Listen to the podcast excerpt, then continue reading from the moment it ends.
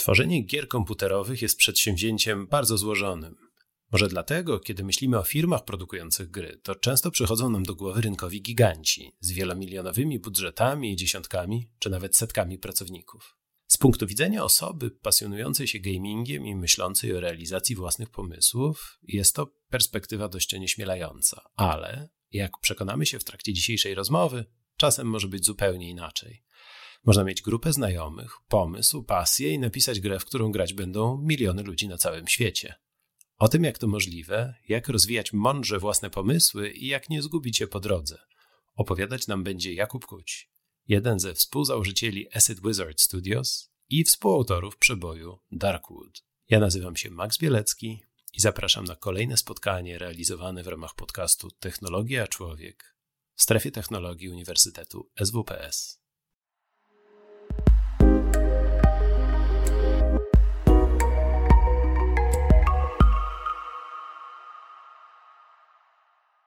Słuchasz podcastu z cyklu Technologia Człowiek, realizowanego w ramach Strefy Technologii Uniwersytetu SWPS. Więcej wiedzy o wpływie technologii na ludzi znajdziesz w kanałach naszego projektu na YouTube i Spotify.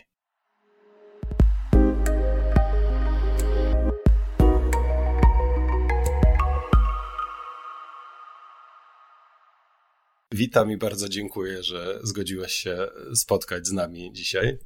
E, dzień dobry, dzięki wielkie za zaproszenie. E, Kuba jest absolwentem Polsko-Japońskiej e, Wyższej Szkoły Technik Komputerowych, kończył sztukę nowych mediów i tę zdobytą tam wiedzę tudzież sporo, myślę, szalonych pomysłów przyczyniła się do tego, że stał się jednym z założycieli Acid Wizard Studio.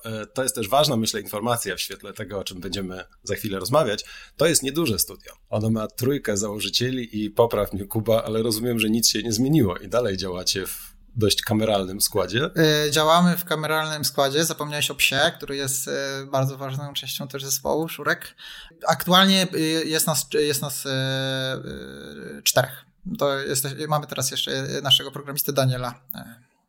Czyli, czyli działacie no, w stosunku do jakichś gigantów na rynku, jesteście bardzo kameralnym zespołem. O tym jeszcze sobie będziemy rozmawiać. No i Acid Wizard Studio wydało w 2017 roku grę e, Darkwood. E, ona pewnie trochę na równi ze studiem i jeżeli pozwolisz, na równi z tobą, będzie pewnie bohaterem e, dzisiejszej, tudzież bohaterką dzisiejszej rozmowy. Więc startujmy.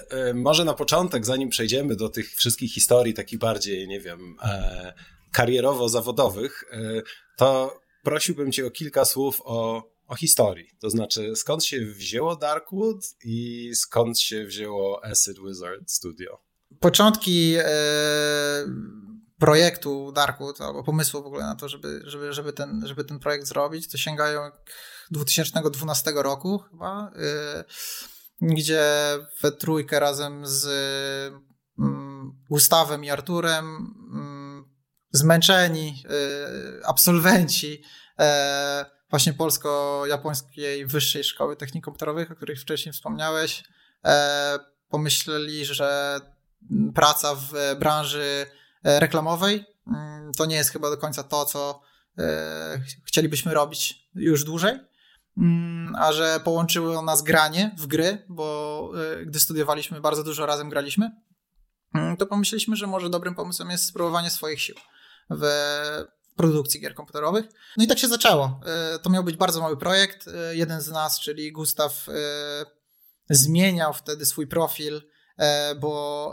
z grafika zamienił się w programistę, co było dla nas ogromnym szokiem, bo są to dziedziny dla mnie osobiście zupełnie, zupełnie różne, ale mm, on właśnie takiej zmiany dokonywał i powiedział, że chętnie zajmie się stroną techniczną projektu, znaczy projektu, to był jakiś po prostu pomysł, zalążek. E, chcieliśmy spróbować coś prostego i e, to był taki pomysł, że stworzymy projekt, e, potrwa to jakiś miesiąc, żeby zrobić jakiś prototyp. Zalążek, Ten miesiąc tak, trwa już no, 10 lat, więc to, tak, no, to czyli, wyjątkowo długi miesiąc. Darkwood miał swoją premierę w 2017 w sierpniu, czyli pracę, no tam 5 lat, no tak z hakiem tam potrwały, czyli tam z tego miesiąca 5 e, lat, e, no to jest e, mocno to przestrzeliliśmy. ale taki był pomysł. Zalążek był taki, że, że w zasadzie chcemy zrobić grę, w której główną mechanikę, me, chcieliśmy oprzeć tą grę o mechanikę obrony domu, bo kiedyś graliśmy w taką grę, która była oparta na filmie Kevin Costner, przepraszam, Kevin Costner, e, Kevin sam w domu. E, o Kevinie Costnerze jeszcze powiem, bo właśnie mi się e, nie bez powodu to pomyliło. E, e, Kevin sam w domu I, i mieliśmy taki pomysł, żeby zrobić taką prostą grę, która jest oparta na mechanikach obrony, obrony domu. No potem to się rozrosło bardzo mocno i ukształtował się w zasadzie ten Darkwood, czyli on na samym początku był jakąś taką bardzo zajawką, bardzo, bardzo prostym pomysłem, który chcieliśmy tylko sprawdzić, czy Gustaw ogarnie to technicznie, czy my to ogarniemy graficznie. No i wtedy już w zasadzie, w tamtych czasach już byliśmy, mm, uczęszczaliśmy już też e, na Global Game Jamy, czyli takie eventy jamowe, e, to się nazywa, e, to, to jest to są zazwyczaj dwudniowe eventy, w których przez 48 godzin robisz grę. Czyli bardzo prostą grę na jakiś wybrany temat. My już wtedy z Arturem akurat uczęszczaliśmy wtedy na, e, na Game Jamy, więc mieliśmy swoje takie pierwsze, pierwsze kroczki e, w dziedzinie tworzenia gier, gdzie tam ja to pamiętam z roli, ponieważ ja się zajmuję najbardziej animacją e, w zespole, szczególnie postaci. No, dla mnie było niesamowitym momentem, gdy moje rysunki, mm, moje animacje, biegające postaci zabrał programista i w ciągu tam 10 minut spowodował, że ja tam mogłem się z, na, myszką czy tam y, klawiaturą zacząć się nimi poruszać sam, sam. Więc pamiętam, że to był taki przełomowy dla mnie moment i taki magiczny. I tak, no, tworzyliśmy, tworzyliśmy już, uczęszczaliśmy już na Global Game Jamy, Potem postanowiliśmy we trójkę y, pójść na jam, mimo tego, że już ten Darkwood powstawał, on tam, znaczy on nabierał kształtów, powiedzmy. No, wiadomo, że ten miesiąc już, już minął. E, e, I my do, do, dodawaliśmy ciągle tam nowe jakieś, jakieś elementy, tam próbowaliśmy coś nowego i poszliśmy na Game Jam we trójkę, czyli w tym składzie przyszło esidowym, tak? No i udało nam się go wygrać.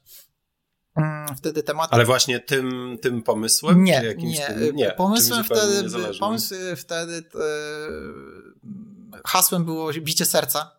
Stworzyliśmy grę, która nazywała się Kevin Costner Tatanka Hunting Simulator i opierała się na takim pomyśle, że w mm, filmie Tańczący z wilkami Kevin Costner zjadał mm, serca e, bawołów. Jak się później okazało, to nie były serca, tylko to były wątroby, więc popełniliśmy w ogóle fopa i zrobiliśmy tak naprawdę grę nie na temat, no ale mniejsza o to. Nie wiem też, jaki był proces myślowy pomiędzy między słowem bicie serca, a zjadanie bawołą serc przez Kevina Costnera, ale nieważne, to był jeden z jakichś szalonych po prostu pomysłów. Tak czy siak on się bardzo dobrze przyjął, ludzie, znaczy wygraliśmy to, wygraliśmy ten game jam, ale też ta gra została tam podchwycona trochę przez media, to znaczy growe i, i tak. Dość dobrze nam się udała, mieliśmy dużo, dużo śmiechu i zabawy podczas tworzenia y, tej gry. Ona była bardzo w takiej e, kreskówkowej, komiksowej oprawie.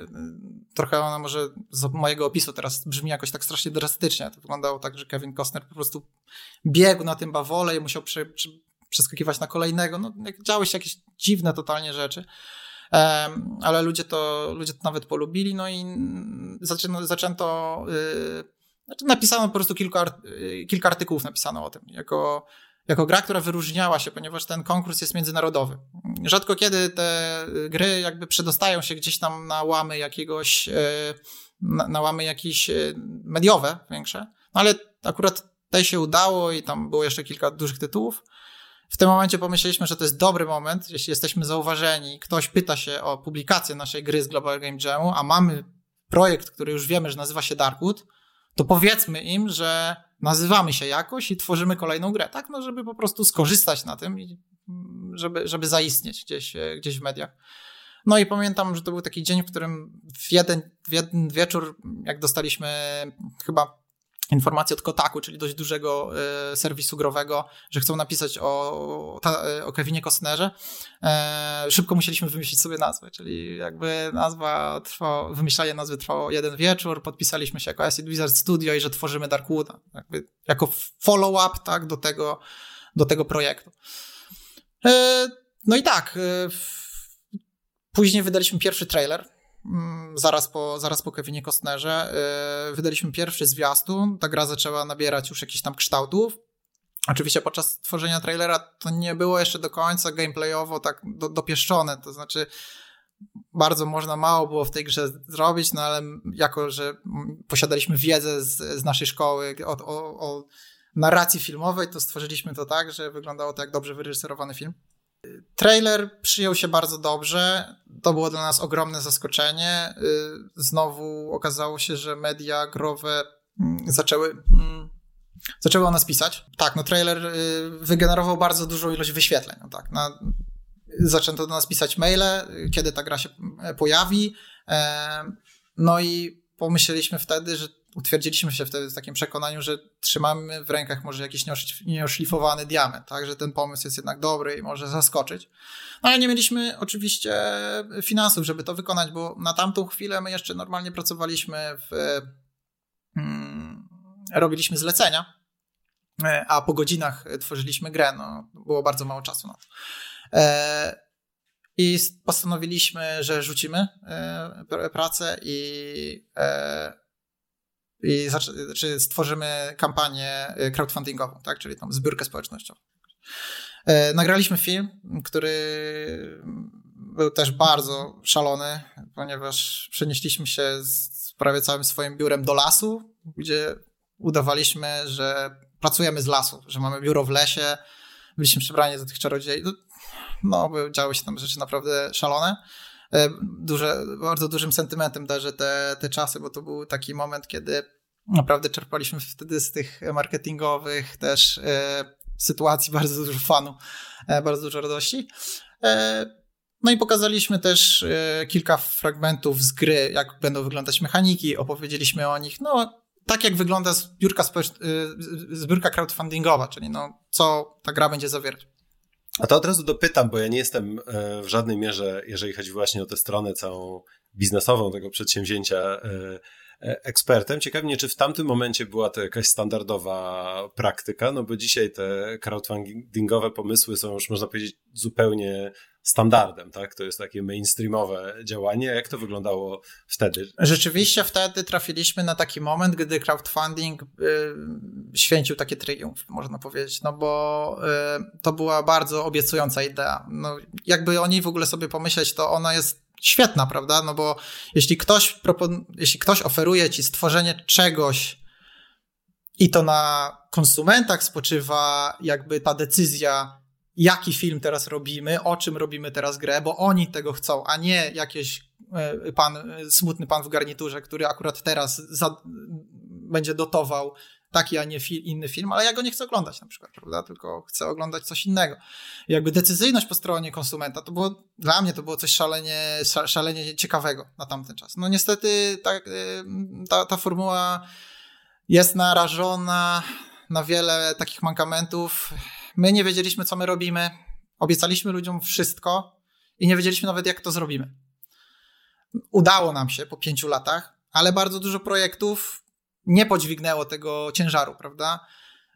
No, niestety taki jest crowdfunding. Czasem wydaje ci się, że masz rewelacyjny pomysł i że zrealizujesz to tak, jak myśleliśmy, że zrobimy w miesiąc grę i, i mówimy o tym, bierzemy od tych ludzi pieniądze, a musimy jeszcze to dowieść.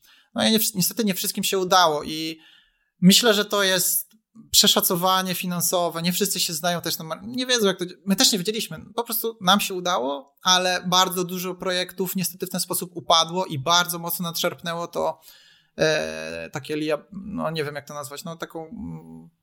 Rozumiem, że zaufanie po prostu tak, w ogóle do crowdfundingu jako mechanizmu słowa, pewnego. Mhm. Zaufanie zostało bardzo mocno nadszerpnięte i e, crowdfunding obecnie nie jest jakimś e, super modelem. Jakby media growe już wtedy troszkę już na nas patrzyły tak, że na przykład... Nie no- wiadomo, no, czym to się skończy. Tak, no bo na przykład polecanie y, jakiejś gry, która będzie robiona przez ludzi, przez crowdfunding, nie wiadomo, czy zakończy się sukcesem, więc nikt nie chce pisać, słuchajcie, jest tutaj fajny, fajny projekt na crowdfundingu, bo co będzie, jak na przykład oni go nie dowiozą, no to mhm. też pewnie... A, a... Tak, no. A powiedz, y, bo to jest taki y, aspekt, który jest dla mnie jakby, y, ty trochę o tym wspomniałeś, ale to jest coś, co wydaje mi się bardzo ciekawe, to znaczy w jakim stopniu rzeczywiście fakt, że to był crowdfunding i że gdzieś byliście, jak to powiedziałeś, w kontakcie z, z klientem, z tymi osobami, które będą e, w tę grę, e, które będą z niej korzystać po prostu za jakiś czas, e, ile tak naprawdę upłynęło w ogóle czasu między rozpoczęciem tej zbiórki, a, a w ogóle udostępnieniem czegoś grywalnego tym ludziom, którzy za to zapłacili? Oni rzeczywiście, ile oni musieli poczekać na ten szczęśliwy finał? Myślę, że najważniejszym najważniejszą informacją jest, jest taka, że dużo za długo niż obiecaliśmy. Czyli czuliśmy ten oddech na plecach ludzi, którzy zapłacili za coś, co obiecaliśmy, że damy im wcześniej, niż tak naprawdę to się stało. I czasem sobie myślę o tym w ten sposób i rozmawiamy to też, rozmawiamy o tym mm, w gronie e, czarodziei, że z jednej strony było to przekleństwo, a z jednej strony błogosławieństwo, ponieważ nie wiemy tak naprawdę, czy Darkwood udałoby, udałoby się zrobić bez crowdfundingu, bez takiej twardej deklaracji i wzięcia pieniędzy od tych ludzi i bycia stuprocentowo zobowiązanym. Jakby nawet nigdy nie przeszła nam przez głowę myśl, że my możemy no nie dostarczyć, tak, bo, no bo, no bo, bo presja jest ogromna, prawda, no bo jak zadeklarowaliśmy się, więc chcemy to dokończyć. I możliwe, że to był jeden z motorów napędowych, że nikt nawet nie pomyślał o tym, żeby no po prostu to w którymś momencie rzucić, a no mówię tutaj o takich jasnych stronach developmentu, bo jesteśmy na samym początku, ale w momencie, w którym właśnie dostaliśmy te pieniądze, to było bardzo dobry jeszcze moment, tak kontynuując tą opowieść tej historii, e, to był bardzo fajny moment, tych pieniędzy było dużo za mało niż nam się wydawało, że nam będzie potrzebne, ponieważ nasze rachunki, te, nasze rachunki, nasze estymacje były takie bardzo no, tak. Optymistyczne. Nawet takie bym powiedział, że możemy w sumie jechać na zupkach chińskich, dopóki robimy to, co lubimy, tak? Oczywiście wtedy też mogliśmy to robić Teraz już jesteśmy na innym etapie w swoim życiu. E, wtedy mogliśmy to robić, możemy pracować 7 dni w tygodniu i tak robiliśmy. E, spotykaliśmy się w biurze nie dlatego, że musimy pracować, tylko robimy coś świetnego po prostu. I przychodziliśmy w soboty, przychodziliśmy w niedzielę. To nie była do nas praca przez, przez pierwsze dwa lata, to po prostu było przychodzenie, robienie gry. I to robienie gry to w ogóle nie było tak jakby jakimś strasznym obowiązkiem albo jakimś. No tylko przeliczyliśmy się trochę, no bo jednak okazało się, że chyba w, na crowdfundingu chyba powiedzieliśmy, że to za półtora roku będzie gotowe albo za rok. No, a, a ostatecznie trwało to? Od momentu crowdfundingu podejrzewam, że 3,5 roku.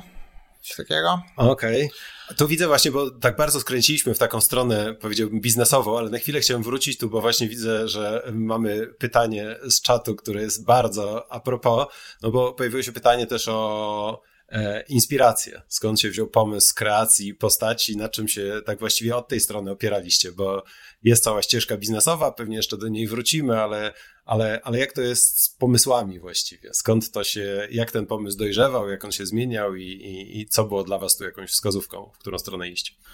E, w którymś momencie Darkwood e, obrał taki taki kierunek y, w momencie, w którym stwierdziliśmy, że fajnie byłoby to mm, osadzić w e, postperelowskiej Polsce, to znaczy na wsi, w zamkniętym, odizolowanym lesie, który trochę pożarł, można tak powiedzieć, wioskę e, i dzieją się tam dziwne rzeczy i e, w którymś momencie tak jakby stało się dla nas jasne, że czerpanie trochę z własnych doświadczeń, to znaczy przedstawianie tego świata takiego, jakiego jak, jak, jak my go zapamiętaliśmy, no bo każdy z nas tam gdzieś je, jeździł do babci, w, w, jak był młody i oglądał wszystkie te rzeczy i pomyśleliśmy sobie, że w tym może tkwić siła Darkwooda, że będziemy pokazywać coś, co dla ludzi z zagranicy może być kompletnie egzotyczne, ale też bardzo ciekawe, a my nie będziemy czuli się źli z tym, że przedstawiamy coś, o czym nie mamy zielonego pojęcia. I jakby dla nas w tym momencie to był taki przełom, że, że, że, że wtedy obraliśmy tą, tą ścieżkę takiego podejścia, czerpania właśnie z, z jakichś doświadczeń, z jakichś wspomnień. I tam jest dużo takich, takich y, jakichś y, odniesień, można powiedzieć. To na pewno. Tu też widzę pytanie, które się trochę też wiąże, może z tym wczesnym etapem, może z całością. Pojawiło się pytanie, jaką metodologię obraliście przy planowaniu całej y, całej produkcji. Zastanawiam się, czy tu chodzi bardziej o metodologię w ogóle zarządzania całym procesem, czy metodologię od strony bardziej powiedzmy tworzenia tego i technicznej, ale co tobie w głowie się pojawia, jak to słyszysz? No niestety, tak jak powiedziałem już wcześniej, my nie wiedzieliśmy kompletnie, co my robimy. Jakby bardzo, na bardzo głęboką wodę się rzuciliśmy. I metodologia, no. My nawet nie mieliśmy design doka, który powinien mieć, każda gra powinna mieć design doka na, na początku. No tak byłoby, wypadałoby to mieć. Mógłbyś to e, e, określenie rozebrać e, dla tak, ludzi, to, to jest jakiś, to jest jakiś zbiór y, opisujący czego gra się mniej więcej trzyma, tak? Jakby jakieś ramy, jakieś podstawy i fi filary, żeby za dwa lata. Okaz nie okazało się, że grafikowi się wydawało, że tutaj skręcamy w stronę, nie wiem, tam naszymi inspiracjami są, jest jakiś Mad Max, a tutaj komu, komuś co innego zupełnie i rozjeżdża się wizja zupełnie, więc dobrze jest mieć ten, te takie filary i wtedy to, to, jest, to jest praca zespołowa, czyli tam są jakieś odchyły od tego, jak to sobie co wyobraża, no ale dobrze jest uspójniać to jak najczęściej, no i dobrze jest mieć ten dokument, który mniej więcej mówi o tym, że ta, jest, ta gra jest tym, czym ma być, tym czym jest, no i ewentualnie go tam, nie wiem, jakoś aktualizować czy coś. My nie, nie, nie mieliśmy nawet tego, na, na, na, nie było nic takiego, więc Mówienie to o jakiejkolwiek metodologii na początku w ogóle produkcji to jest za duże słowo. Tutaj było trochę trzech gości, którzy chcą, chce zrobić fajną grę, umieją w grafikę, umieją już w programowanie, bo się okazał, Gutek okazał się świetnym, świetnym programistą dowożącym te, te rzeczy, więc y, nie wiem, graliśmy w gry, wyciągaliśmy jakieś najciekawsze rzeczy, które nam się zawsze podobały, czerpaliśmy bardzo dużo, mówiąc o inspiracjach. Też jeszcze troszkę cof, cofnąłem się, bo na inspiracjach też było tak, że nie chcieliśmy się trochę bardzo, nie chcieliśmy się za bardzo inspirować grami, tylko chcieliśmy te inspiracje czerpać z filmów, z książek. To był też nasz taki punkt zaczepienia, żeby nie powielać po prostu tego samego medium, o tak. To strasznie mroczne gusta literacko-filmowe macie w takim razie. Tak, no to byli bracia Strugacy, to był Lem, tam jakiś... Y, jeśli z, z, filmów, to Lynchem bardzo się wtedy mocno wszyscy jaraliśmy i, i chcieliśmy też trochę tego klimatu e, a tak ogólnie to my nie lubiliśmy, nie lubiliśmy horrorów. My nie byliśmy fanami horrorów. To był jeden z jakichś takich naszych marketingowych też e, powiedzmy haseł trochę, że my zrobiliśmy, trójka ludzi, którzy nie lubią horrorów, robią horror. Yy, I to bardzo ludzi interesowało, jakby. Aha. A chciałem się dopytać o, tu też zaraz widzę, że mamy sporo pytań, które dotyczą w ogóle właśnie tego aspektu rozwoju i rozumiem tego, jak zamienić pomysł w biznes, mówiąc bardzo brutalnie, ale chciałbym na chwilę się jeszcze cofnąć do tego, jednak do specyfiki działania takiego małego zespołu, dlatego że wyobrażam sobie, że e, jeżeli ktoś ma takie marzenie, żeby e, zrobić coś swojego, no to właśnie pewnie najczęściej jest szansa, żeby zrealizować to w stosunkowo niedużym zespole. No jak ktoś wejdzie do giganta jakiegoś informatycznego, to, to szanse na to, że, że tam sprzeda bardzo swój, bardzo autorski pomysł są pewnie, są pewnie nikłe, ale no właśnie, gdybyś mógł trochę opowiedzieć o tym, jak się, jak się układa takie duże zadanie w takim małym zespole. Trochę w, trochę w tym pytaniu zawarłeś też odpowiedzi, no bo wiadomo jest, y, że gdy trafiasz na bardzo duży zespół, no to stajesz się jakimś tam trybikiem w tym całym, mm, w tej całej machinie i tam jeśli chodzi o twoją swobodę twórczą, no to jest na pewno ona ograniczona w jakiś tam sposób, więc my chcieliśmy bardzo mocno zrobić tą pierwszą grę w takim trybie indie, naprawdę niezależnym, chcieliśmy być zupełnie niezależni od producenta, od wydawcy. Nie weszliśmy na żadną współpracę z, z nikim, chociaż było bardzo dużo propozycji. Postanowiliśmy pójść sami.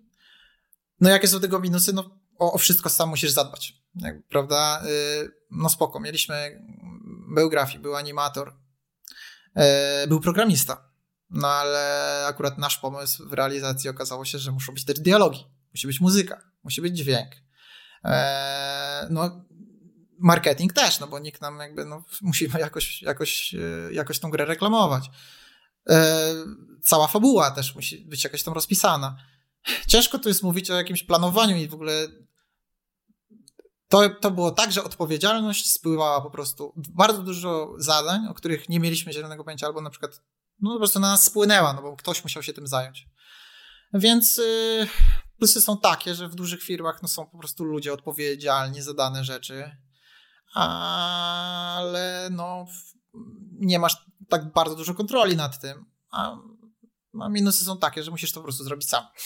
No i tak. A, a, w takim razie pytanie, które się tu też widzę kolejne pojawiło, dotyczy, no właśnie, trochę tego aspektu związanego z niezależnością, o którym y, mówisz, bo czy dobrze rozumiem, że wy z tego etapu crowdfundingowego dotarliście do momentu, w którym y, ta gra pojawiła się już i była dystrybuowana i można ją sobie było kupić na Steamie, to znaczy tam po drodze nie było żadnego, nie wiem, inwestora, nikogo z walizką pieniędzy, no bo mamy tu pytanie właśnie, jak, jak przebrnęliście przez rozmowy z inwestorami? Dosłownie mogę, czyli rozumiem, że po prostu do tego momentu nie było, nie było żadnych inwestorów. Udało się wam mhm. zachować 100% tak jak, niezależności. Tak, tak jak mówię, y, rozmowy o współpracy y, o różnym charakterze, tam producenckim, może i nawet inwestorskim, one, nie, nie mówię, że nie było, ale one nigdy nie były z naszej inicjatywy. Tak jakby to my nie szukaliśmy tego. Zgłosiło, znaczy, zgłosiło się do nas kilka zaprzyjaźnionych wtedy firm mm, deweloperskich, e, które były też, trzeba powiedzieć, to jakby, to były firmy, które tworzyły tytuły, w które sami bardzo lubiliśmy też grać, więc to było dla nas bardzo sklebiające. Ale co dla nas było wtedy najważniejsze, to mieliśmy takie wrażenie, że jeśli oni się do nas sami zgłaszają i sami chcą z nami rozmawiać na ten temat, no to mamy w rękach coś, co znowu, no taki jakiś diament, który trzeba oszlifować, no bo jeśli oni się tym interesują, no to od tamtego czasu rynek gier komputerowych i się bardzo zmienił. Tak jakby domyślam się skąd takie pytania, no bo obecnie to wygląda tak, że to bardziej szuka się właśnie takich inwestorów tak na, i, i też to wtedy to nie my byliśmy inicjatorami tych pytań, ale, znaczy tych, tych spotkań. Ja to nie, nie mówię tego dlatego, że mówię to tylko w takim sensie, że my My nie chcieliśmy jednak oddać tej swobody. Baliśmy się trochę tego i e, trochę już wtedy nauczeni doświadczeniem, że nie umiemy kompletnie estymować, e, ile coś nam zajmuje czasu. Baliśmy się, że nastąpi taki moment, w którym my stwierdzimy, bo tam, ja też nie powiem, w historii gry na, pół, na dość późnym etapie, tam chyba po crowdfundingu, my w ogóle wrzuciliśmy całą tą grę do kosza i zrobiliśmy zupełnie ją zmieniliśmy. Jakby to jest tam, no, naprawdę było bardzo dużo zmian. My się baliśmy, że jak znowu coś takiego nastąpi i my nie będziemy z tego zadowoleni, no to producent albo, no tak, producent, wydawca, no nie wiem, stwierdzi hola hola, to już trwa za długo, wydajemy, nie? A my baliśmy się bardzo tego, bo jakby jedynym, co nam pozostawało jakimś takim kompasem, to było takie przeczucie, czy ja bym chciał zagrać w taką grę, tak? Czy mi ona mi się podoba. I nie mieliśmy nic więcej, no bo my się nie znaliśmy, no ogólnie nie, nie, nie wiedzieliśmy za bardzo, co robimy. Więc dla nas wizja współpracy na tamtym etapie była taka bardzo przerażająca. I postan dlatego postanowiliśmy po prostu dowieść to wszystko sami. Stwierdziliśmy, że no, uda nam się, więc dowieziemy. I i, i, i tyle. Jak, jak, widać, udało się. Tak, tylko że też nie chcę mówić, że nie było trudnych momentów, bo były. Tam po, po crowdfundingu, ale przed, y, early accessem, na który wyszliśmy, bo wyszliśmy na early access, czyli metoda dystrybucji gry niepełnej. To znaczy ta gra zawierała jakąś zawartość, znaczy zawierała, dobra. E, była to jakaś, e, jakaś część gry, którą można, była, którą można było ograć, ale końcówkę tworzyliśmy razem ze społecznością i oni już wtedy nam zapłacili, czyli my się ogólnie prześliznęliśmy przez wszystkie znienawidzone teraz przez graczy e, metody finansowania gier, czyli crowdfunding i early access. I to są oba te rodzaje, to znaczy oba te rodzaje fundowania nie są zbytnio ulubione przez graczy, ponieważ płaci się za niepełen produkt, ale my musieliśmy to zrobić, bo dwa ostatnie miesiące przed rozpoczęciem crowdfund, e, przed, przepraszam, tego mm, early accessu, no to już było takie naprawdę zupka chińska i nic więcej. To już był taki bardzo ciężki okres. Czyli, czyli jednak tworzenie gier w tym trybie ma czasem wymaga, czasem wymaga, jak rozumiem, poświęceń. Tu się pojawiło w kontekście tej opowieści, pojawiły się takie dwa, widzę, pytania bardzo, y, bardziej powiedziałbym szczegółowe, ale też odnoszące się właśnie do procesu, do tego, o czym mówiłeś przed chwilą. Może zacznę od tego, który dotyczy e, outsourcingu, bo pojawiło się pytanie, czy robiliście outsourcing muzyki, dialogów, testowania, to znaczy, czy to, jak to się, jak poradziliście sobie z tym problemem, że pewne zasoby y, mieliście w zespole, ale pewnych rzeczy w ogóle nie robiliście wcześniej? E, jedyny outsourcing, jaki robili, nie robiliśmy outsourcingu muzyki, nie robiliśmy outsourcingu dźwięków. Okazało się, że Artur, to znaczy my wiedzieliśmy o tym, ogólnie Artur jest złotym dzieckiem i on robi i muzykę, i grafikę, i pisze dialogi, i wymyśla fabułę, no jakby ma ten wachlarz umiejętności dość taki szeroki. No on się po prostu postanowił zająć tym wszystkim, dlatego też tyle to wszystko trwało, no bo nie mógł robić jednocześnie grafiki, muzyki i tak dalej, ale wyszło to wszystko naprawdę bardzo, bardzo dobrze i spójnie, no bo jakby to była wizja cały czas e, naszej trójki, ale tu nie można tam to, to, to, Artur trzymał to w ryzach, jeśli chodzi o graficzną, audiowizualną tam część, e, część gry.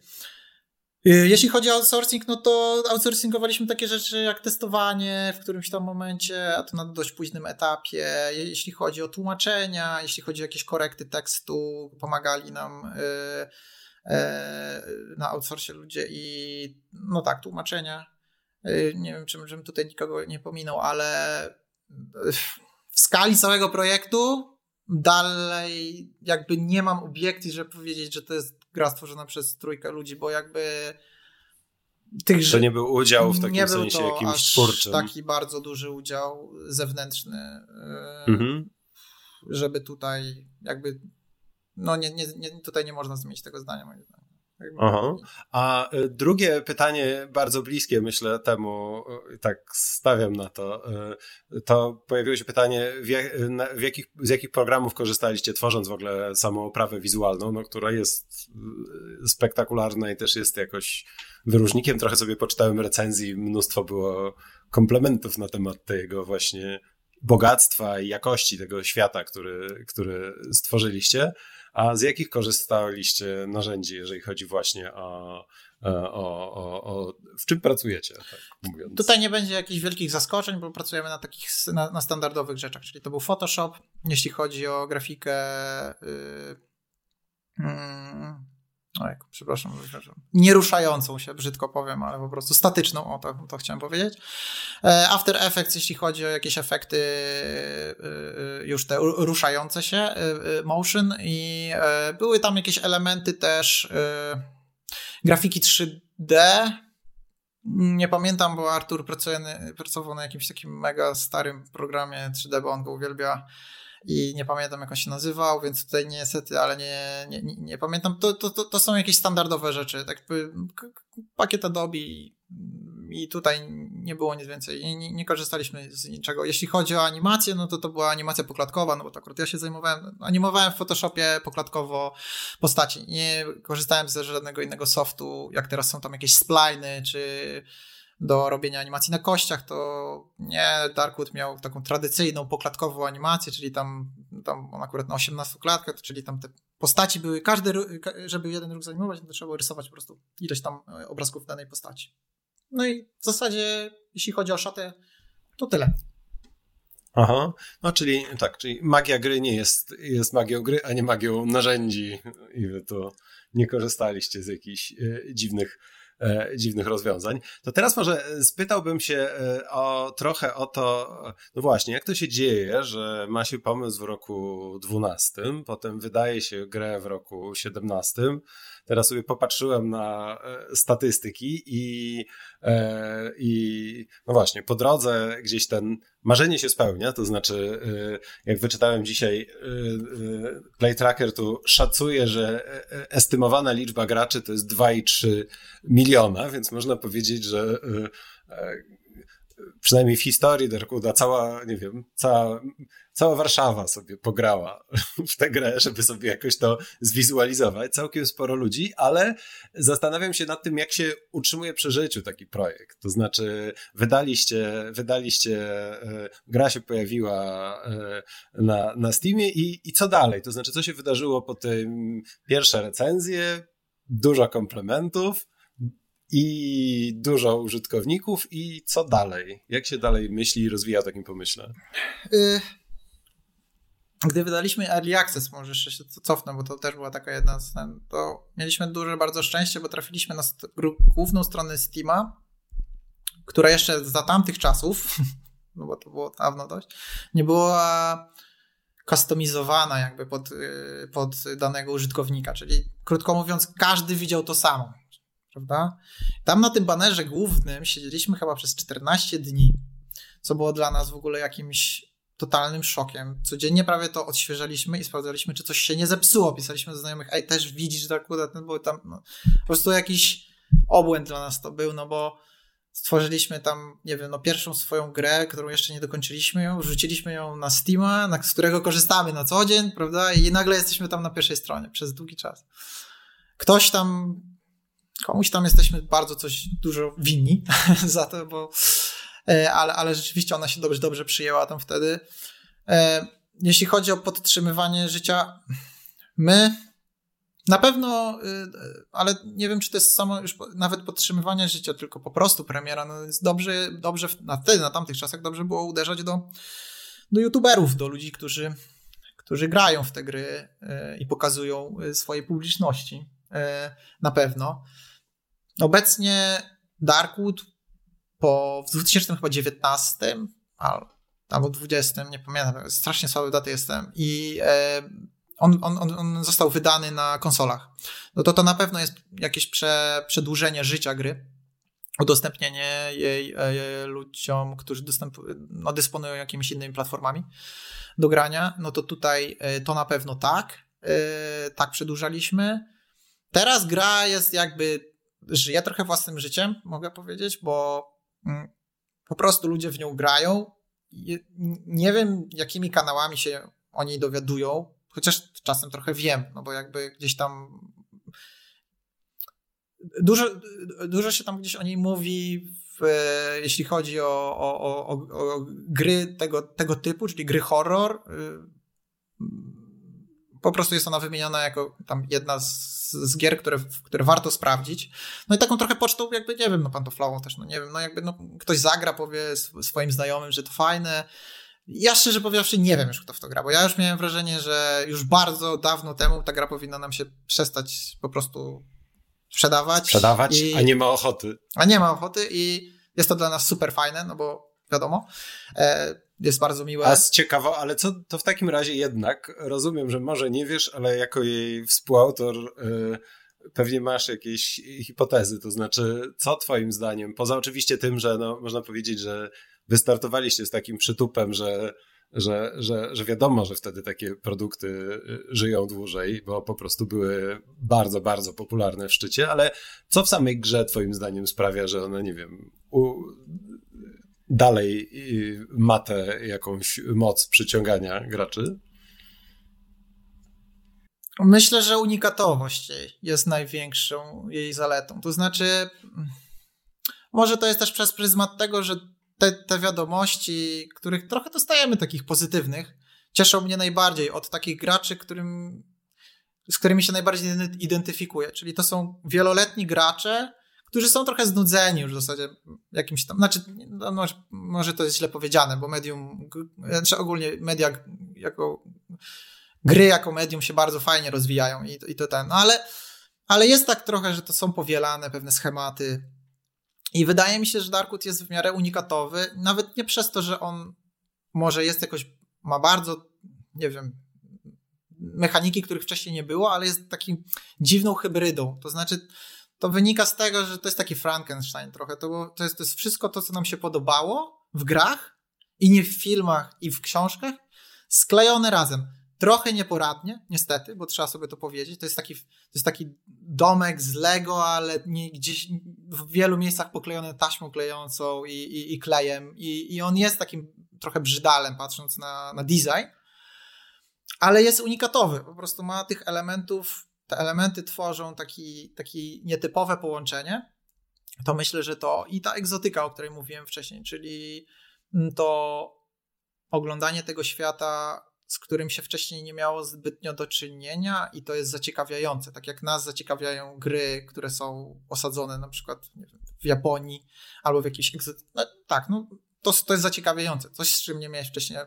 A tutaj trzeba powiedzieć, że no, głównie rynkiem są Stany Zjednoczone, tak? No, po, polscy gracze to jest tam nie wiem jaki procent, ale bardzo Dokładnie bardzo o to chciałem się zapytać, bo skoro mówisz o tej egzotyce, to pomyślałem sobie, ha, Może to nie jest aż takie egzotyczne dla polskiego gracza, ale rozumiem, że. No, to, to, to nie są duże wyniki sprze sprzedażowe. Y, teraz ich dokładnie nie podam. One były kiedyś tam szacowane przez nas na etapie jakiegoś tam właśnie early accessu czy coś, to to były 2% czy 3% sprzedaży, także to nie jest jakiś ogromny ten. Także dalej ta egzotyka jest duża, tak jakby dla większości, e, większości. No, nie wiem, takie jest moje zdanie i to jest trochę też właśnie, że ludzie, bo nie skończyłem chyba tego wątku, że ludzie, którzy dużo grają w gry i spodziewają się czegoś, myślę, że w Darkwoodzie Darkwood ich zaskakuje w jakiś sposób, że oni się nie spodziewali tego, co zobaczyli, bo są przyzwyczajeni do jakichś utartych schematów, a to połączenie jest dla nich czymś zupełnie nowym, przez to świeżym. Trochę nie za bardzo taki user experience może super, ale są w stanie zagryźć zęby na te niedociągnięcia techniczne, czy tam jakieś projektowe, bo chcą zobaczyć, co się wydarzy dalej, czym ta gra ich jeszcze zaskoczy. I to ja jestem taki. Może powiedzieć, że jak na, jak na osobę, która e, reprezentuje zespół z takim sukcesem na koncie, to bardzo dużo samokrytycyzmu to e, słyszę. No, jesteśmy świadomi tego, e, że ta gra ma swoje problemy pod względem tego, jak trochę jest zaprojektowana czasem i ma bardzo wysoki próg wejścia, ma czasem no, ona po prostu jest, tak jak mówiłem, no, takim trochę zlepkiem takich rzeczy, więc niektórych rzeczy nie udało się wygładzić. A może dałoby się, tylko no po prostu musielibyśmy spędzić kolejne 5 lat, a wydaje mi się, że 5 lat to już wystarczy. To, to, to... No, o, tym, o tym, co w przyszłości, mam tu zresztą takie pytanie, które od samego początku naszego spotkania wisi, to to pytanie zostawię sobie na deser, ale jeszcze dwa widzę tu pytania takie bardziej e, techniczne. Jedno z nich dotyczy tego, czym kierowaliście się przy wyborze silnika gry. E, w ogóle zaczęliśmy robić Darkwooda w jakimś XNA, chyba coś takiego to jeszcze było. To było jakieś potworne w ogóle. Tam Gustaw zaczynał to, to, to robić. To nie były chyba jeszcze, nie wiem, czy to były już czasy Unity, czy nie. E, przesiedliśmy się na, na Unity z uwagi na, na, na, na, na prostotę no, tego wszystkiego. I jakby to był dalej nasz programista, Gustaw był dalej początkującym programistą, no ale gdzieś tam padł ten, e, padła ta decyzja, że to będzie Unity, to przeskok z tego w ogóle XNA, gdzie to chyba nie było jakieś w ogóle, nie miał chyba jakiegoś panelu wizualnego. Ja, ja, ja, nie wiem dokładnie, ale to był jakiś ogromny przeskok produk- produkcyjny dla nas, wygody w ogóle produkowania tej gry. Mm. E, no i tak, no silnik, no swojego nie, mieć nie mogliśmy, wzięliśmy Unity, które ma dobry też support i też można się posiłkować jakimiś pluginami, tak. E, no i, no i tak, no, no takie Okej, okay, a drugie pytanie z tych technicznych, tak. Y, czy jakie napotkaliście trudności przy, przy implementowaniu gry na inne platformy? Czy to na ile ten proces był dla was wyzwaniem i co tam się działo? Nie robiliśmy tego sami.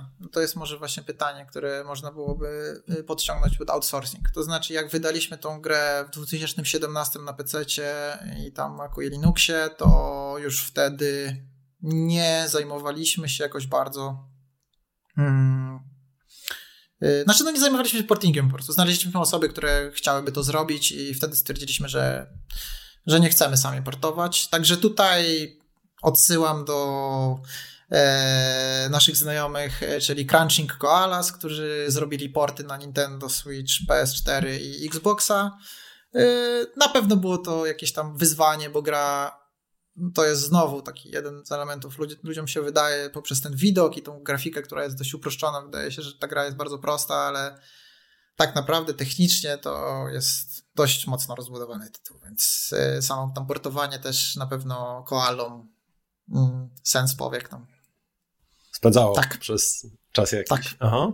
E, I jeszcze jedno pytanie, takie bardziej właśnie dotyczące interakcji z, y, powiedziałbym, y, przyszłymi graczami e, i fanami. Skąd się wziął pomysł na udostępnienie oficjalnego torrenta z grą? Pisaliście tam, że komu się spodoba, może niech wykupi grę, ale skąd w ogóle, o co, o co tu chodzi? Bo ja nie znam tak aż dobrze widzę, waszej historii. Widzę, że fani Darkwooda są na, e, po, pośród publiczności, e, albo po prostu ludzie, którzy interesowali się akurat tym. No to było dość ciekawe.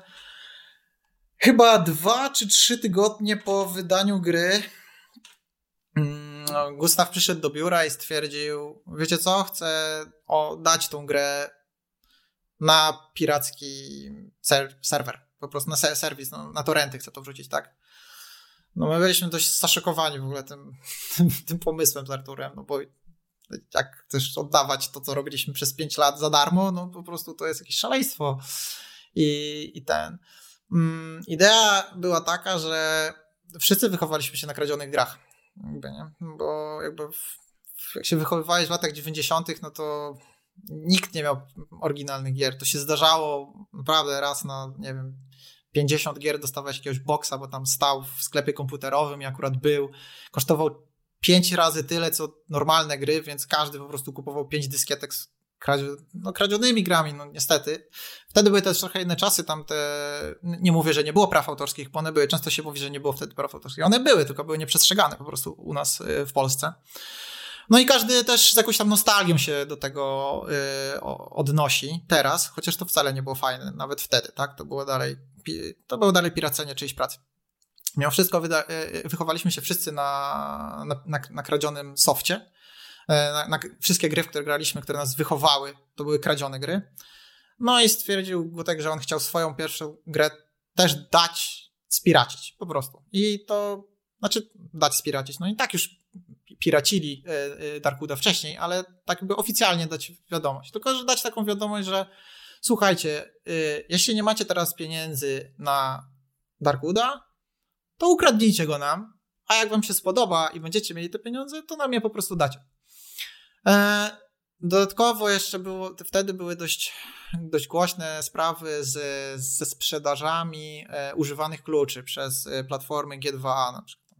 Nie wiem, czy mogę to mówić w ogóle, czy tą nazwę, no ale okej. Okay. No G2 był największym graczem sprzedającym grę i no niestety te y, bardzo dużo tych kluczy było pozyskiwane w nielegalny sposób i to był taki trochę rak branży, który ją tam odzżerał. Mm, to były gry, które były sprzedawane, no nie wiem, za 4 zł, 3 zł i wszystkim się wydawało, a te, a te serwisy nie pisały skąd pozyskują te e, skąd pozyskują te klucze. Tak naprawdę tracili deweloperzy, ale ludzie myśleli, że kupują oryginalny klucz. Nie kupowali. No, deweloperzy. My bardzo tego nie lubiliśmy. Więc Gustaw dopisał tam też, że jeśli chcecie kupić naszą grę na właśnie tym sklepie, którego już tam nie będę mówił nazwy, to już lepiej, żebyście nas okradli.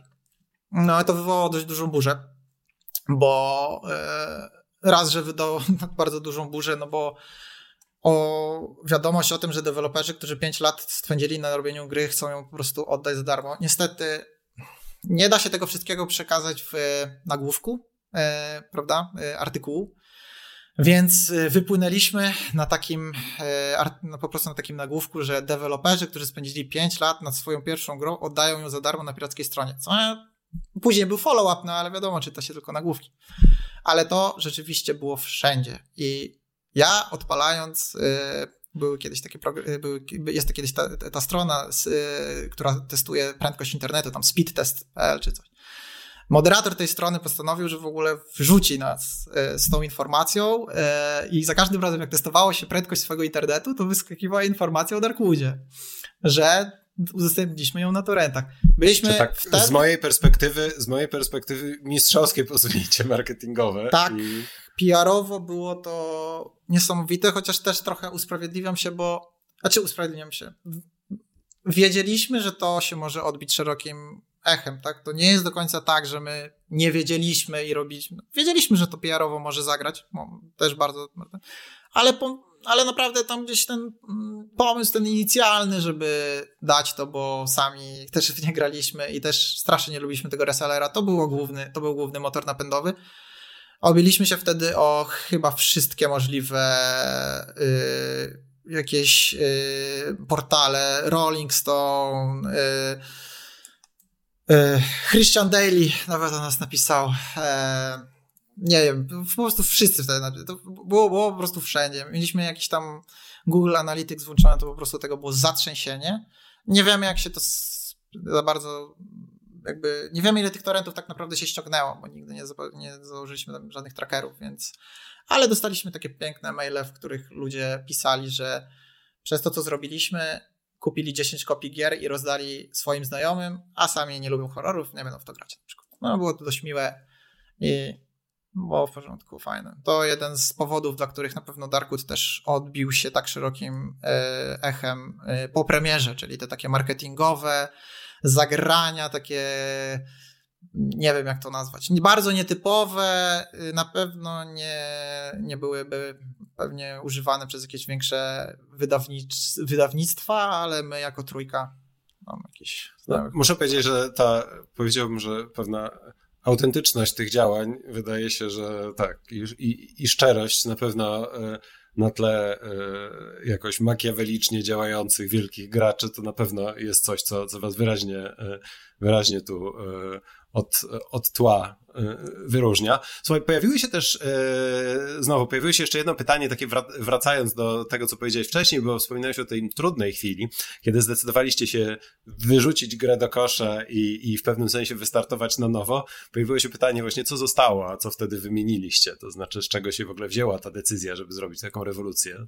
To, co my tak naprawdę wtedy tam mieliśmy, to był tak naprawdę zwiastun i tam nie było za bardzo gameplayu i potem jak go zaczęliśmy tworzyć, to nie za bardzo składało nam się to wszystko do, e, w całość e, i, i wtedy po, i, i przesiadaliśmy się chyba wtedy też z Xena na Unity mm, no i tam wszystko poszło tak naprawdę prawie do, prawie do kosza i prawie wszystko zostało zmienione. Mm, tam też e, w tym, w tym momencie też nie pamiętam, czy to był ten dokładnie moment, czy później. Tutaj już mogę się trochę.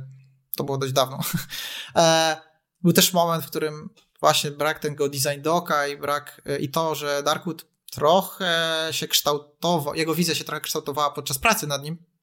Mm, co zawsze bywa przy, przy tworzeniu gier, bo to na pewno, na pewno tak jest, ale u nas no, nie posiadało nawet tych takich podstaw. Mm, no niestety doszliśmy do tego momentu, że każdy sobie trochę tą, inaczej tą grę wyobrażał. No i tutaj musieliśmy się bardzo mocno, taki był bardzo trudny moment, gdzie musieliśmy wybrać drogę. I trochę ta droga stała w takim przeciwieństwie do tego, co my tam trochę poobiecywaliśmy. Ale jako, że obiecywaliśmy i tak rzeczy, których no, nie mogliśmy dowieść, to zdecydowaliście się zdecydowaliśmy się po prostu na to, żeby to trochę uprościć. Tam tam, tam chodziło o to, że trochę część zespołu e, sobie bardziej to wyobrażała jako roguelike, czyli grę, która powtarza się cały czas, tak jakby przy utracie życia, czy ten, ta, ta historia rozpoczyna się od nowa i ona się buduje, jest nawarstwiana. No ale e, w połączeniu z innymi mechanikami growymi okazało się, że to będzie bardzo trudne do, do stworzenia i mało satysfakcjonujące jako historia. Wiadomo, że historie tworzone w jakiś taki mm, sposób, w którym podejmujemy dopiero decyzję, ona się kształtuje, jest bardzo trudno to zrobić. W połączeniu z tym naszym otwartym światem i z tym wszystkim okazało się, że musimy iść trochę bardziej standardową ścieżką gry, po prostu roleplaying. I na tym ten główny, głównie ten, ta, ta nasza rozterka e, polegała, że poszliśmy takim trochę, trochę nurtem takiego bardziej tradycyjnego RPGa, przez to, żeby można było tą historię też e, zrobić taką bardziej dopieszczoną i trochę bardziej trzymającą się całości, spójną i bardziej satysfakcjonującą. Koniec końców uważam, że to był do, to była dobra decyzja, ale na pewno to był taki moment y, no, dużego przełomu i też takich bardzo już rozpoczynających się bardzo dużych problemów w zespole. Skoro wspomniałeś o zespole, to zadam jedno pytanie, które się właśnie przed sekundą pojawiło, a pytanie jest myślę dość ciekawe. Gdybyście mieli podchodzić do Darkwooda jeszcze raz, to i mieli dodać jeszcze jedną osobę do zespołu, można powiedzieć bardzo growe pytanie. Gdyby miała się pojawić na początku jeszcze jedna osoba, to co powinna co powinna umieć? Znaczy, jakiej roli masz wrażenie, że gdzieś tam wam może na początku brakowało w zespole? Mieliśmy dobrze ogarniętą grafikę, mieliśmy dobrze ogarniętą e, też jak się okazało później muzykę i dźwięki, mieliśmy Gustawa, który uczył się w bardzo szybkim tempie programowania, więc e, technicznie możliwe, że e, uczyliśmy się dopiero na błędach projektując mechaniki gry. I jakby trochę nie wiedzieliśmy, że dane elementy, no tak wyciągaliśmy z różnych gier. Naprawdę to, ja czasem oglądam te design doki nasze i ja trochę łapię się za głowę, po prostu co my tam pisaliśmy, no. Byliśmy naiwni bardzo po prostu i, i, i i, i, ale też bardzo ambitni, bo tam były bardzo ambitne plany, ale, ale to, to, się nie mogło udać. Myślę, że taka osoba, która ma trochę więcej doświadczenia i powiedziałaby nam, słuchajcie chłopaki, no taki działający ekosystem, który się składa ze zwierząt i one mają ze sobą zależności, że tam ktoś może kogoś zjeść i ktoś się, bardzo dużo takich, w ogóle takie rzeczy sobie wymyślaliśmy, że to będzie taki żyjący ekosystem. No, no spoko, to zrobimy to. No, no nie zrobimy tego. Tego gorzej jeszcze, że o tym mówiliśmy, że to zrobimy. E, na szczęście inne aspekty gry były tak dobrze dopracowane, że ludzie jakby, chyba wydaje mi się, że ci gracze, którzy tam śledzili te nasze poczynania, zdawali sobie sprawę, że trzyosobowy zespół nie może po prostu zająć się wszystkim. Zrobić wszystkiego i, I te, nie mieli do was a, tego I te rzeczy, żalu. Które, którymi się zajęliśmy, one wyszły na tyle dobrze, że no, nie, nie wypominali nam, że no dobra, ale słuchajcie, to miało być jeszcze tu, miało być jeszcze, no niestety. Myślę, że taka osoba, która by studziła trochę zapał, może byłaby spoko, ale z drugiej strony, no nie byłby to pewnie taki sam Darkwood, jaki jest. Czy byłby lepszy, czy byłby gorszy, no może by za bardzo studził nasze jakieś tam takie ambitne plany. Czyli jakieś trzeba by mieć, rozumiem, że na pokładzie przydałby się tak, no pewnie gdyby na pokładzie był jakiś druid, mędrzec albo ktoś taki, to może nie bylibyście takim szalonym zespołem i rzecz by w ogóle nie doszła do skutku. Słuchaj, jako że czas nam się już naprawdę za moment kończy, to ostatnie dwa pytania, takie jedno z nich zwłaszcza czeka od po prostu samego początku webinaru, ale wiem, że je zadam, bo pytanie są trochę powiązane moim zdaniem. E, jedno pytanie brzmi, jaka jest wasza misja jako zespołu Acid Wizard Studio i na ile Darkwood przyczynił się do jej realizacji? A drugie pytanie brzmi, dotyczy dalszych planów. I co dalej? Bo jak tu ktoś napisał, cokolwiek zrobicie, biorę niemal w ciemno. Więc, no bardzo No właśnie. To, to jak to jest z tą misją i co w związku z tą misją zrobicie? To jest bardzo trudne pytanie. Yy... Chyba, no to tak zabrzmi to bardzo pompatycznie, bo to się tak mówi, że chciałoby się robić gry, w które same chciałoby się zagrać. No ale tak trochę jest, jakby gdzieś tam po zrobieniu Darkwooda też rozmawialiśmy między sobą, bo wiadomo, że dostajemy bardzo dużo zapytań, że ludzie chcieliby zobaczyć kontynuację. Jako, że to jest trochę zamknięta historia, a sami nie, nie lubimy za bardzo, gdy na przykład zamknięte historie są sequelowane trochę na siłę. E, a z drugiej strony na przykład bardzo lubimy ten świat, który stworzyliśmy w Darkwoodzie i chętnie byśmy go jeszcze poeksplorowali, może niekoniecznie jako sequel, czy tam jakieś następstwo tego, co fabularnie się tam, na czym zakończyliśmy, tylko może jakieś odnogi. Chcielibyśmy pewnie tam jakoś tak wrócić, ale to, o czym rozmawialiśmy, to trochę nie chcemy się poddać takiej presji tego, że ktoś mówi, co my chcemy teraz, co chcą teraz od nas zobaczyć. Chociaż mówiłem, że crowdfunding takie wspaniałe i że to, że to ludzie decydują, to, to się tworzy, teraz będę w opozycji do tego mówił. Twórca też jest ważny. Nie wiem, chcemy robić swoje rzeczy, chcemy robić nowe rzeczy i jakby takie trochę chyba z tego, co y, dużo się wydarzyło od Darkwooda, dużo czasu już minęło. Y, my jesteśmy, tam mieliśmy trochę przerwy, ale teraz jesteśmy już aktywni. E, I no niestety trochę projektów już pomroziliśmy, e, bo jakby y, były chyba, no jakbym sobie miał sam radzić, rzeczy, to bym sobie mógł je poradzić, ale chyba się sam siebie nie słucham, bo i w ogóle się sami siebie nie słuchamy i tworzymy sobie bardzo jakieś takie trudne zagadnienia growe. Ale to chyba wynika z tego, że po prostu chcielibyśmy pograć w coś znowu nietypowego, coś znowu, co eksploruje jakieś takie dziwne miejsca i chyba coś, czego wcześniej nie widzieliśmy, przez co te projekty czasem nas przerastają aktualnie, ale teraz jesteśmy na tropie czegoś, co co wydaje mi się, że dalej jest bardzo ciekawe, jest mocno inne od Darkwooda, więc boimy się trochę tego, więc trzymam e, za słowo tam e, kogoś, kto mówi, że kupuje w ciemno, e, bo to nie będzie Darkwood na pewno i to będzie bardzo odległe, to co tam się wydarzy niebawem, mam nadzieję. No i tak, no taką mam misję, no chyba, żeby, żeby dalej fajnie byłoby też dobrze się bawić przy robieniu tego, bo po prostu to powiedzmy po, połowa pierwszego, y, y, ta pierwsza część tego developmentu, no, połowa była dość przyjemna. Potem już mniej. No ale tak, no. To takie chyba odpowiedziałem na jedno i drugie w sumie, bo, bo co u nas i jednocześnie połączyłem tego z, z no, misją. Słuchaj, rozumiem, że y, tak, zdecydowanie y, rozumiem, że na tym etapie jeszcze nie podzielisz się, y, nie podzielisz się szczegółami tego nowego projektu, ale w takim razie trzymam cię za, trzymam cię za słowo, albo możemy się tak umówić, o, może tak, że jak już ten projekt nabierze jakiś barw, to dawaj bardzo znać, chętnie. bo sądząc z zainteresowania publiczności, na pewno bardzo, bardzo wiele będzie osób, które będą e, chciały się dowiedzieć tu szczegółów. Bardzo, bardzo dziękuję Ci za tę rozmowę, Również za twój czas i za super ciekawe, super ciekawe historie. Państwu dziękuję za wyjątkową aktywność, wszystkie pytania e, i oczywiście zapraszam na kolejne webinary Strefy Technologii Uniwersytetu SWPS, a w międzyczasie do czytania i na e, wszystkie nasze kanały YouTube'owe, Spotify'owe i nie tylko. Bardzo dziękuję za uwagę. Do zobaczenia.